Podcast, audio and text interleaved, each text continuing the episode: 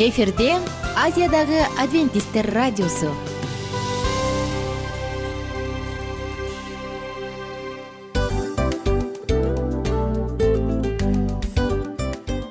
Достор салют.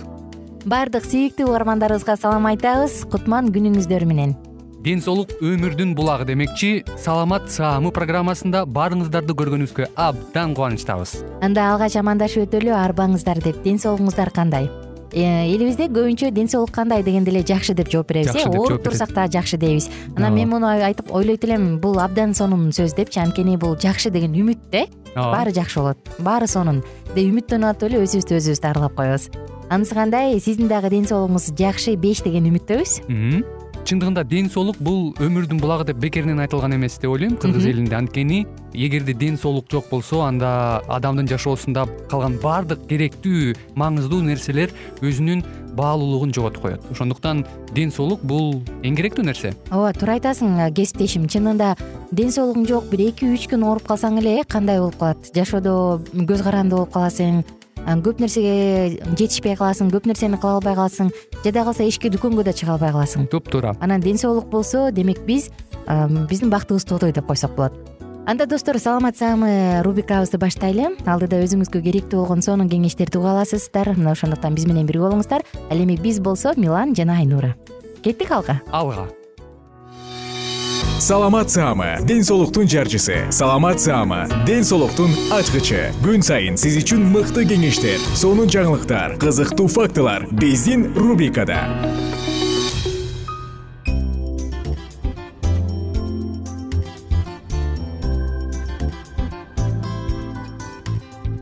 Арбаңыздар кадырлуу кыргыз элим жалпы ала тоону мекендеген биздин айымдар мырзаларга апалар аталардын баардыгына салам айтабыз саламат саамы рубрикасына сиздер менен кайрадан угушканча биз э, абдан кубанычтабыз. Эфирде мен милан жана менин кесиптешим айнура. Сиздерге кызыктуу ден соолукка байланыштуу фактылар менен маалыматтар менен бөлүшкөнгө биз даярбыз даярбыз даярбыз. Жана сагыныч менен күтүп алган чагыбыз. Мына ошондуктан азыр дагы кийин дагы биз менен бирге болуңуздар. Бүгүнкү тема эң актуалдуу темалардын бири. Кээде эмнеге ушул оору жоголбойт дейсиң да? Анткени бүгүн сиздер менен бирге сасык тумоо жөнүндө сөз кылалы.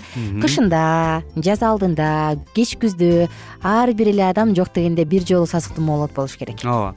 Андан тышкары ошол сасык тумоо э, бул өлбөгөн оору экен. Вирус э? Уктап кайра тирилип уктап кайра тирилип жүрө берет ушу тирилгенде да жөн тирилбей күчтүү болуп тирилгендей боло берет да күчтүү күчтүү күчтүү болуп анан дайыма эле өзүнүн мутация болуп эле өзгөрүлүп эле келе берет ар кандай формада? Ар кандай формага келип анан баягы вакциналар дагы жетишпейт экен. Ошону ошол мутациясынын аркасынан баягы пайдасыз болуп жетишпей калат экен. Ошон үчүн биздин бүгүнкү программабызда биз сиздерге кантип алдын алыш керек? Кантип ошондой грипп жана э, сасык тумоо ошондой оорулардан арылып кантип өзүбүздү сактасак болот? Өзүбүздү жана биздин наристелерибизди биздин балдарыбызды.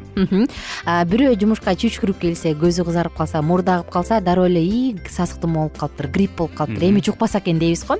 Анткени албетте бизге жукса биздин үйдөгүлөргө жугат анан баардык жакта чоң көйгөйлөр пайда болот. Кимдир бирөө оңой көтөрүп кетет кимдир бирөө оор көтөрөт эмеспи мына ошондуктан эгер сиз дагы үйдө мен сасык тумоо болгум келбейт десеңиз анда биздин кеңештерге бир кулак салып коюңуз. Эң биринчи биздин кеңешибиз албетте бул туура тамактануу экен. Э, өзгөчө баягы кыш мезгили э, кыш мезгилинде өсөт да бул сасык тумоонун баары. Анан эң биринчи эле кеңешибиз албетте с витаминине бай э, азык түлүктөрдү жешибиз керек. С витамини албетте башка витаминдерден айырмаланып эгерде башка витаминдер биздин денебизде көп убакыт бою кала берсе с витамини күн сайын кирип кайра жок болуп кетет экен. Ошон үчүн күн сайын жеп турушубуз керек экен. А с витамини албетте бул цитрустарда көп. Лимон э, апельсин э, киви андан тышкары с витамини э, жер жемиштерде көп салаттардан көп жешибиз керек. Ошон үчүн кичинекей балдарга с витаминин өзүн сатып алып берип коебуз э жешсин деп күнүнө жок дегенде бирден деп. Ооба. Анан с витамини жетишиш үчүн бир күндүк долягачы бир күндүк доза. Бир адам беш алты даана апельсин жесе ошондо с витамининен керектүү өлчөм толот экен бул мисалы ооруп калгандан кийин барып кымбат э, тайлолхот же башка ушул сары сыяктуу дары алгандан көрө э жагымдуу дагы анан витаминдүү дагы. ооба. Андан тышкары буга чейин дагы биз көп учурда уйку жөнүндө айтканбыз. Э, туура уйку туура эс алуу иммунитетти катуулап э, туура уктагандар чындыгында аз ооруйт экен. Э, өзгөчө ушундай респираторный деп коебуз баягы сасык тумоо сымал ооба респиратордук оорулар респиратордук оорулар менен аз оорушат экен. Анткени канчалык туура уктаган адам ошончолук иммунитети күчтүү болот экен. Мынакей анан эсиңдеби алас алас алас деп туруп анан аласта коюшат эле го э? арча мененчи э, мунун бирден бир себеби бар экен жакшы. Ал бөлмөдөгү ушундай жугуштуу оорунун респиратордук оорулардын бактерияларын өлтүрөт экен арчанын түтүнү ошондуктан уктаар алдында жок дегенде бир сыйра үйдү арчалап коесузбу таза аба менен киргизип же аябай желдетип коесузбу үйдө негизгиси таза абаны сактаганыңыз жакшы. Э, бул айымдарга өзгөчө көңүл буруш керек э? Үйдү баягы нымдуу уборкалап нымдуу улам жыйнап жакшынакай полду чаңдарды сүртүп э, шыпыргы менен шыпырып чаңды сапырылтпастан чаң соргуч менен сордуруп дегендей үйдө таза болгону жакшы экен. Ооба деги эле биздин ата эне ата бабаларыбыз билишкен да э арчаны күйгүзүп баягы ооба. түтүнүн чыгарып арчалаганда аластаганда көрсө көптөгөн бактериялар өлчү экен саламаттык немеси бар экен да. Жакшы жакшы. Дагы сарымсак. Сарымсак дагы ой бир сонун жытысы жаман болсо дагы андагы баягы учкан фитонциттер жыты жагымсыз болуп турса дагы бирок сарымсак абдан сонун дары бир гана сасык тумоодо эмес негизи эле иммунитетти бекемдөөдө онкологиялык клеткаларды өлтүрүүдө абдан абдан анын салымы чоң. Ошондуктан сарымсакты күнүнө жок дегенде бир даана тамакка кошуп койсоңуз бул сиздин керектүү өлчөмүңүздү толуктап турат.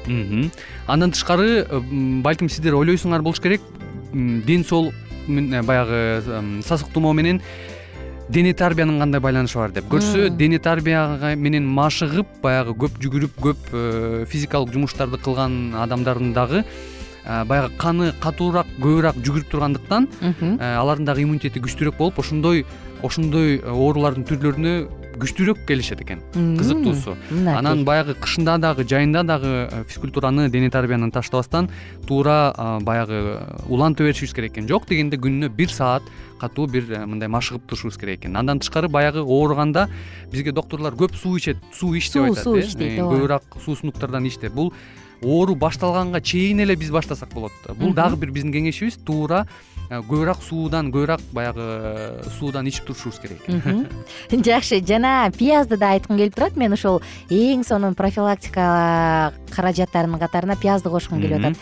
Пияз дагы сасык тамакты сасык тумоону алдын алат жана ооруп жатканда дагы мыкты жардамчы.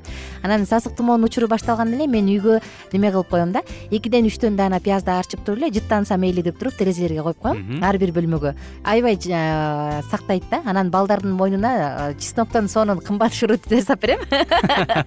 Кадимкидей эле жипке өткөртүп тагып коебуз. Ар бирибиз үйдөн тагынып алабыз да. Анан бул дагы сасык тумоонун чын алдын алганга жардам берет. Жана кийинки биздин кеңешибиз э, бул контрасттык душ. ой бул эң сонун жана бүгүнкү күндө эң мындан ашаарлык дээрлик эч нерсе жок экен деп айтышат окумуштуулар бул өтө жөнөкөй күн сайын үйүбүздө ысык суунун алдында туруп анан муп муздак сууга тез эле алмаштырып туруу бул ошол контрастный душ деп коет.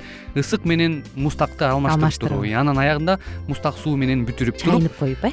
кургак кылып өзүбүздү сүргү менен сүртүп анан э, чыксак бул биздин иммунитетибиз күчтүү болуп баягы ошондой респиратордук оорулардан алыс болот экенбиз. Туура айтасың мисалы ысык душтун алдында ысыгыраак айталычы ысыгыраак душтун алдында үч мүнөт турсаңыз мисалы э отуз секундтай моп муздак суу менен чайыныңыз анан кайра эки үч мүнөтдөй ысык сууга түшүңүз анан муздак сууга чайынып туруп бир он секундтай анан душтан чыгып кетиңиз. Аябай сонун. Жана бутту буулоо. Же болбосо паритетив деп коет эмеспизби. Бутту ысык муздак сууга салып контрасттык ушундай ысык ванна жасоо. Бул дагы адамдын иммунитетин бекемдейт. Биздин кааларыбыз оорубаңыздар анткени адамдын биринчи байлыгы ден соолук ден соолук болбосо эч нерсенин кызыгы жок болуп калат эмеспи. Ошондуктан угармандарыбызга кааларыбыз бекем ден соолук. Пока пока кайрадан амандашканча. Саламат саама ден соолуктун жарчысы. Саламат саама ден соолуктун ачкычы. Күн сайын сиз үчүн мыкты кеңештер сонун жаңылыктар кызыктуу фактылар. Биздин рубрикада салют замандаштар баарыңыздарга ысык салам. Дил маек программабызга кош келиңиздер. Дил маек рубрикасы дегенде эле бул эмне болгон дил маек? Ким менен маектешебиз деп сурайт болуш керек угармандарыбыз бул рубриканы кыскача тааныштыра кете турган болсок ар тарап кесип ээлеринен болгон сонун интервью кеңештер бар. Ооба. жылдыздар менен болгон маек бар. Аталарыбыздын агаларыбыздын чоң аталарыбыздан сонун кеңештер бар. Ошондой эле эже сиңдилердин кеңештери бар айтор. Баардык кызыктардын баары алдыда. Негизи эле адам баласы бир кимдир бирөөнө ишенип сырын ачкысы келет эмеспи э мындай баарлашууга жакын келебиз го. Албетте. Негизи бир жерге отуруп алып кенен шашпай баягы жүрөктөн жүрөккө ачып сырларыбызды ар кандай көйгөйлөрүбүз менен бөлүшүп баягы чын жүрөктөн маек курганды кимибиз сүйбөйбүз э? Ооба десең ал нерсеге суусап да келебиз да? Ооба кээ бирде адамга чындыгында баягы э, ысык маек баягы жылуу маек жетишпейт да. Ошондуктан биз ушул рубриканы ойлоп тапканыбызда эң биринчи эле достор сиздер менен чын жүрөктөн бир маңыздуу темаларды козгоп кеткени э, кааладык. Ошондуктан ушундай сонун бир рубриканы тартуулап жатабыз. Анын үстүнө радио дагы сонун дос да анткени э, мындай учурда досуңа айтсаң досуң досуна айтат досу досуна айтат да анан бүт өлкө билип калышы мүмкүн го. А радио болсо сени сатпаган сенин айыбыңды ачпаган сенин сырыңды эч кимге айтпаган сонун дос ошондуктан биздин алдыдагы айта турган кеңештерибизди биздин досторубуздун кеңештерин угуп анан ал жака пикириңизди дагы калтырып кайрадан биз менен байланышсаңыздар болот. Деги эле жашооңузга эгерде кичине болсо дагы өзгөрүү алып моралдык жактан моралдык жактан сонун бир кеңештерди алсаңыз демек биз максатыбызга жеттик. Ооба. Чыңгыз атабыз улуу жазуучу э, чыңгыз айтматов айткандай адам болуу бул күнүмдүк процесс экен. Күн сайын адам бойдон калуу бул адамзатка эң эле кыйын дейт э? э эң кыйын дейт. Чындыгында бунун негизинде адамдын эң баягы сапаттуулугу адамдын э, адамгерчилиги жана көптөгөн керектүү нерселер. Мына ошол темалар дагы бизде э, ушул дил маекте биз аларды да козгойбуз. Ден соолук жөнүндө да сүйлөшөбүз. Сөзсүз түрдө. Анан милан мырза негизи айтып коюшат го? Биз көбүнчө эмнени ойлонсок ошол нерсеге карата иш кылабыз го? Ооба. Анан анысы кандай балким бул радио баракчада кимдир бирөөнүн оюн текшергенге жардам берет кимдир бирөөнүн жүрөгүн текшергенге жардам берет. Балким кимдир бирөөгө жашоонун маңызын тапканга жардам берет. Айтор кызыктын баары алдыда бул жөн гана кыскача жарнама анда угармандарыбыздын баардыгын кийинки рубрикабызга чакырабыз. Ал эми кызматта маңдайымда отурган кесиптешим милан жана мен айнура. Анда эмесе биз даярдаган терең терең ойлор менен таанышууга кеттик. Алыс алыс баралык анда эмесе достор биз менен бирге болуңуздар. Алдыда эң кызыктуу маалыматтардын баардыгы бир нече мүнөттөр бою жалгыз гана сизге арналат мына ошондуктан жакшы маанай менен угууну каалайбыз. Үн алышканча. Жөнөдүк. Ар түрдүү ардактуу кесип ээлеринен алтын сөздөр жүрөк ачышкан сыр чачышкан сонун маек дил маек рубрикасында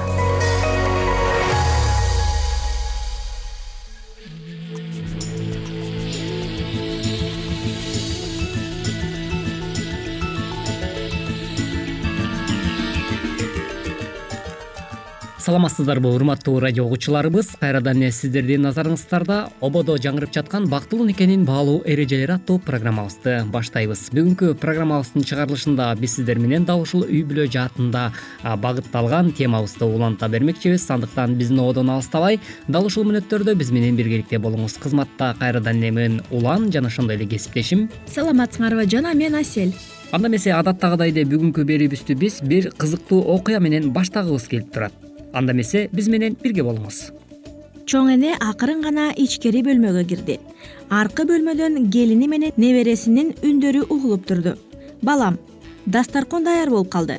Тамагыңды ичип ала кой алтыным деди келини уулуна.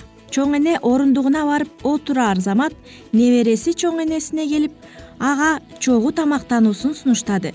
Чоң энеси терең үшкүрүп үйдүн кожоюну келе электен мурун кечки тамактанууга болбойт атаңар келсин чогуу тамактанабыз деп койду олбурлуу эне анда келини ой апаке ал өткөн замандыкы.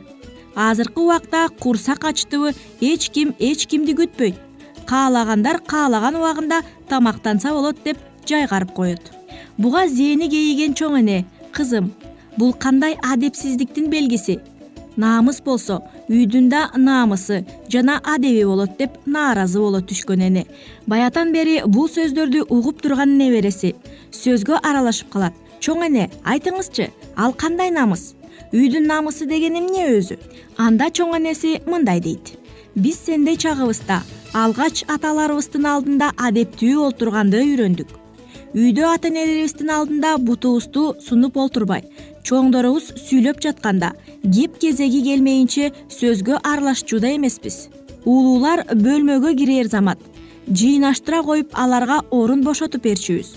Эч качан атабыз дастаркон башында отура электе эле биз да дастарконго кол салчу эмеспиз. Атабыз келип бисмилля сөзүн айтып жана алгыла дегенде гана баарыбыз тамактанып баштачубуз аягында да дастаркон батасын бир туугандарыбыз менен кезектешип айтышаар элек. Үй бүлөдө чогуу тамактангандан артык таттуу тамак болобу уулум дастаркон адеби мына ушундай балам деп нарыктуу насаатын айтат. Небереси болсо мынчалык тартиптен чүнчүп кетчү эмес белеңер деп суроо узатат. Жок ал учурда улууларга сый жакындарга жакшы мамиле кылуу баарынан жогору турчу булар адамдын ички дүйнөсүн да нурлантчу бизди ушул нерсеге тарбиялаган. Көңүл оорутуу деген нерсе чанда гана кездешчү. Адамдар бири бирин кечирип жашачу. Ал эми азыр сый деле калбай калган сыйт. Азыркы учурда үйлөрдө да сый жок болуп калды. Кеч кирсе да эч ким пардаларды жаппайт. Баардык үйлөрдүн ичи көрүнүп турат. Бирок мындан уялган эч ким жок деп нааразы сынат чоң энеси таяктын бир учу келине тийгендей. Айтылган сөздөрдү тыңшап калган келини ордунан акырын туруп пардаларды жабат. Үйдүн адеби алгач парданын жабылган же жабылбаганынан белгилүү болот дейт карыялар. Эгерим ошондуктан карынын кебин капка сал деп бекер айтылбаса керек. Тарбия башаты үй бүлө демекчи. Балага тарбия берүүдө ата эненин ордун айтпасак да белгилүү. Ошондой эле тарбия башаты туурасында дагы кеп кылып өтсөк үй бүлө демекчи балага тарбия берүүдө ата эненин ордун айтпасак да белгилүү эмеспи. Ал эми учурдагы бала тарбиялоо маселеси көптөрдүн көкүрөгүнүн көөдөнүн ордуна келтирүүнүн сыртында калып жаткандыгы көңүлдү оорутпай койбойт. Дегеним бала тарбиялоо баланы ичинтип жедирүү же болбосо кийинтүү менен эле чектелбейт эмеспи. Албетте ал ата салтынын тарбиясынын учугун улай турган келечекке үндөй турган ыйык милдеттердин бири болуп саналат эмеспи ошон үчүн элибизде илгертеден урук тукуму жети атасын билүү аркылуу анын кандай тектен чыкканына маани берип дагы келишкен эмеспи.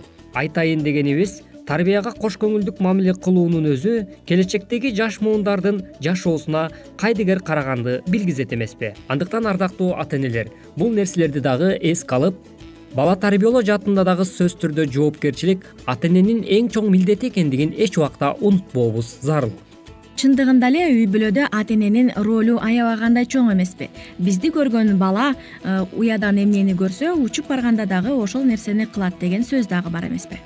Ооба чындыгында эле биздин үй бүлөдө дагы ушундай адаттар бар болчу. Биздин атабыз стөлдүн үстүнө отурмайынча биз аны күтүп э, тамакты чогуу иччүбүз азыркы убакта бул нерсени үй бүлөлөрдөн э, көрбөй деле калдык албетте чындап эле улуумун өкүлдөрү буга чейинки биздин баягы чоң аталарыбыз чоң энелерибиз э, эң биринчи болуп алар дасторконго отуруп алакан жайып бата тилемейинче эч убакта мисалы биздин ата энелерибиз э, дасторконго баягы шарт эле отура калып кол салып тамактанып кирген эмес.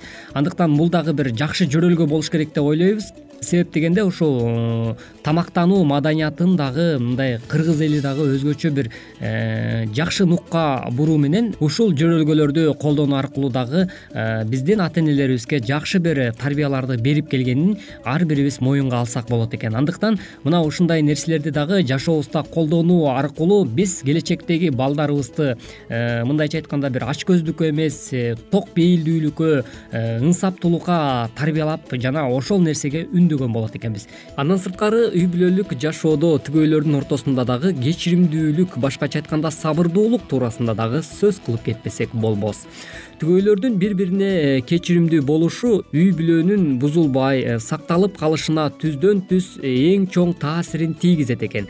Андыктан кечиримдүүлүк жашоодогу эң негизги орчундуу маселелердин бири болгондуктан демек бул нерселерди дагы көңүл чортоңдо калтырбастан сөзсүз түрдө жашооңуздарда бир бири бириңиздерге карата болгон кечиримдүүлүк мүнөзгө ээ боло бериңиздер деген тилегибизди дагы билдиргибиз келет. Демек бул нерсени ар бир эле үй бүлө жашоосунда колдоно турган болсо анда биз келечектеги жакшы инсандарды тарбиялаганга чоң салымыбызды кошо берет экенбиз. Демек э, ушул айтылган баардык кеңештерди ардактуу достор жана ушундай сүйүктүү радио угармандарыбыз сөзсүз түрдө жашооңуздарда колдоносуз жана колдоно бересиз деген ишенич менен бизге бөлүнгөн убакыт дагы өз соңуна келип жетип калды.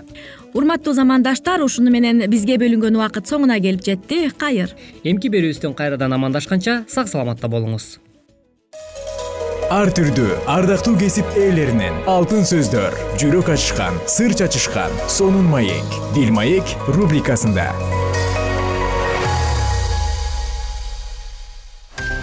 Жан дүйнөңдү байыткан жүрөгүңдү азыктанткан жашооңо маңыз тартуулаган жан азык рубрикасы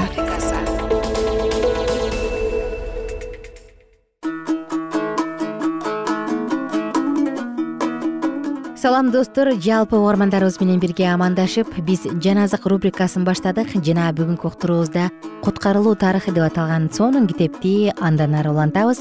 Окуябыздын ар бир жүрүшүндө биз менен бирге болуңуздар.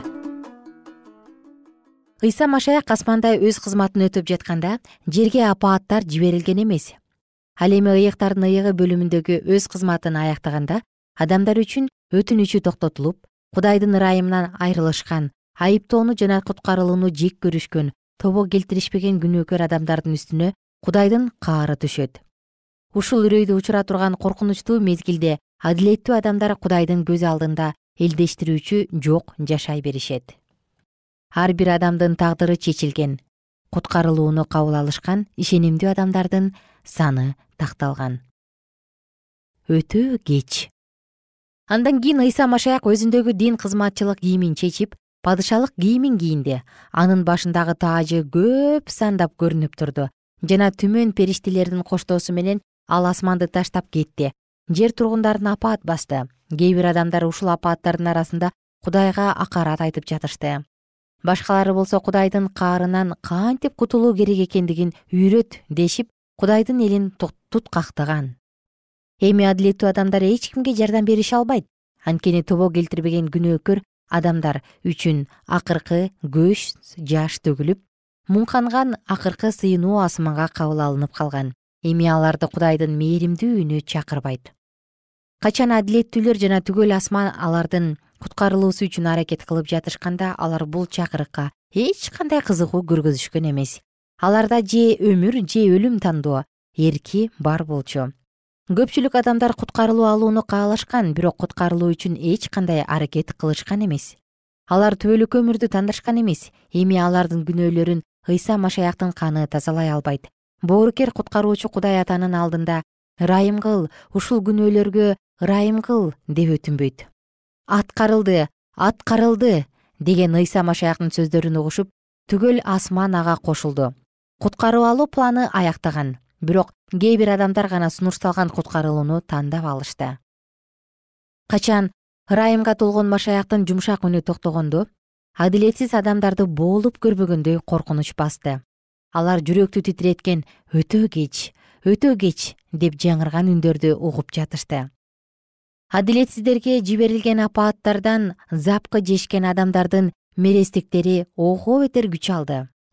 Ата энелер балдарга балдар өз ата энелерине бир тууган бир тууганга каршы каарданып каршы чыкты.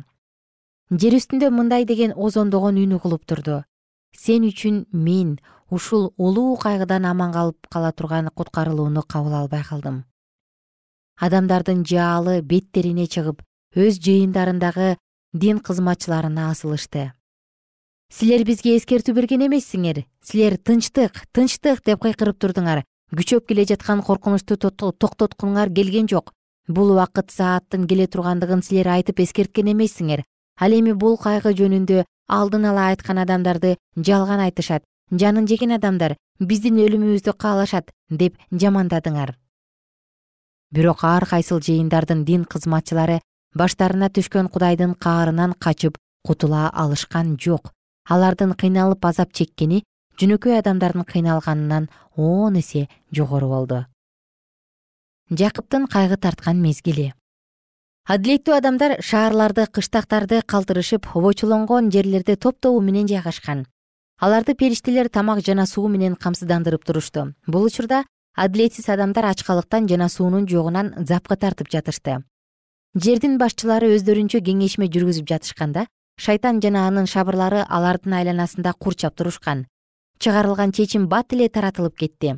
Ал чыгарылган чечимде эгерде адилеттүү адамдар ишемби күнү майрамдоону токтотушпаса башкаларга кошулуп жекшембини аптанын биринчи күнүн майрамдабай турган болсо анда аларды өлүм жазасына берүү керектиги айтылган.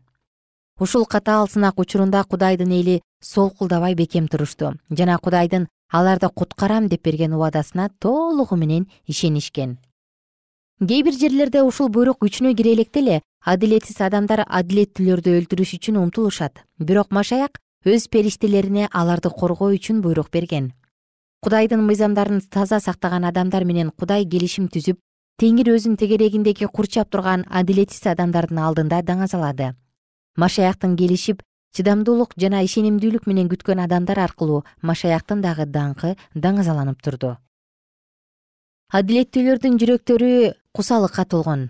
Алардын айланасында адилетсиздик гана курчап турган сыяктанат. Жер тургундарынын бардыгы аларга каршы согушуу үчүн чыгышты. Көпчүлүк адамдарда кудай бизди таштап кетти эми адилетсиздердин колунда өлүмгө кабылабыз деген ойлор болуп турду. Эгерде алардын ошол кезде көздөрү ачылып кете турган болсо аларды кудайдын периштелери курчап кайтарып турушкандыгын көрүшмөк. Айланасында аларды темитишкен жаалы кайнаган жин перилердин колдоосундагы көпчүлүк. Алар адилеттүү адамдарды өлтүрүү үчүн чыгышкан. Бирок алар кудайдын тандаган адамдарына баруу үчүн алды менен аларды курчап турган ыйык периштелерден өтүшү керек. Мындай кылуу мүмкүн эмес. Ыйык периштелер адилетсиздерди жана аларды колдоп жүргөн күнөөгө баткан периштелерди дагы кудайдын тандаган адамдарына жакындаткан жок жардам сурап зайырлап ыйлоо. Сынак мезгилине кабылган адилеттүү адамдарга өтө кыйын болду. Алар күн да түн да кудайдан куткаруу сурап сыйынып жатышты.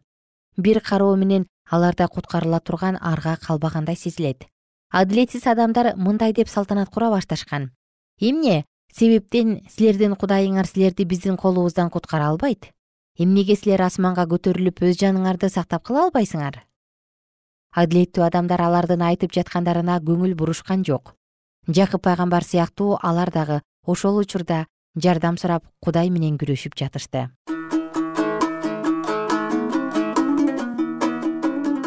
Кымбаттуу достор сиздер менен дал ушул жерден саатыбызды токтотобуз уктуруубузду жана кийинки уктуруудан кайрадан амандашканча деп коштошобуз. Күнүңүздөр көңүлдүү улансын жана бар болуңуздар бай болуңуздар ар бир учур ар бир күн жараткандын батасына жана коштоосуна колдоосуна ээ болсун.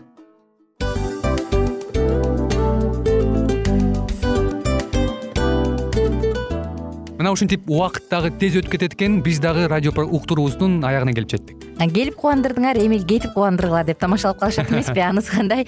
Радио баракчабызды программабызды азыр эле баштап аткандай болдук элек мына соңуна келдик э? Негизи убакыт э, билинбей өтүп кетет экен мен дагы убакыт дегенде бүгүн бир адам менен сүйлөшүп калдым. Анан убакыт бул мүмкүнчүлүк деп айтып өзүмө өзүм айтып алып анан мага өзүмө эле кайра ачылыш болду да чын эле. Э, карап отурсаң ошол эле жыйырма төрт саат ошол эле жарым саат кайталанып атат. Бирок сендеги мүмкүнчүлүк жок ошол кой берилип кетти? Анысы кандай? Бүгүнкү сонун убактыңызды алтындай болгон жарым саатыңызды бизге бөлүп арнаганыңыз үчүн ыраазычылык айтабыз. Анан жашооңуздун кайсы бир сферасын өзгөртө турган сонун пайдалуу кеңеш алган болсоңуз анда биз максатыбызга жеттик. Анан ушул нерсени кылбасам десеңиз ошол өзгөрүүлөрдү кичинекей кадамдардан баштап иш жүзүнө ашырыңыз дагы жашооңузда чоң чоң ийгиликтерге жетиңиздер. Чын жүрөктөн ар бир берилген кеңештер сөздөр сиздерге пайдасын алып келет деп ишенебиз. Жана кийинки уктурууларда сөзсүз түрдө чыдамсыздык менен сиздерди күтөбүз. Сагынычтуу салам айтып кайрадан дал ушул жыштыктан баардыгыңыздарды тосуп алганча. Кызматта мен айнура жана кесиптешим милан. Анда кол булгалайбыз жалпыңыздарга ийгиликтүү күн. Саламатта калыңыздар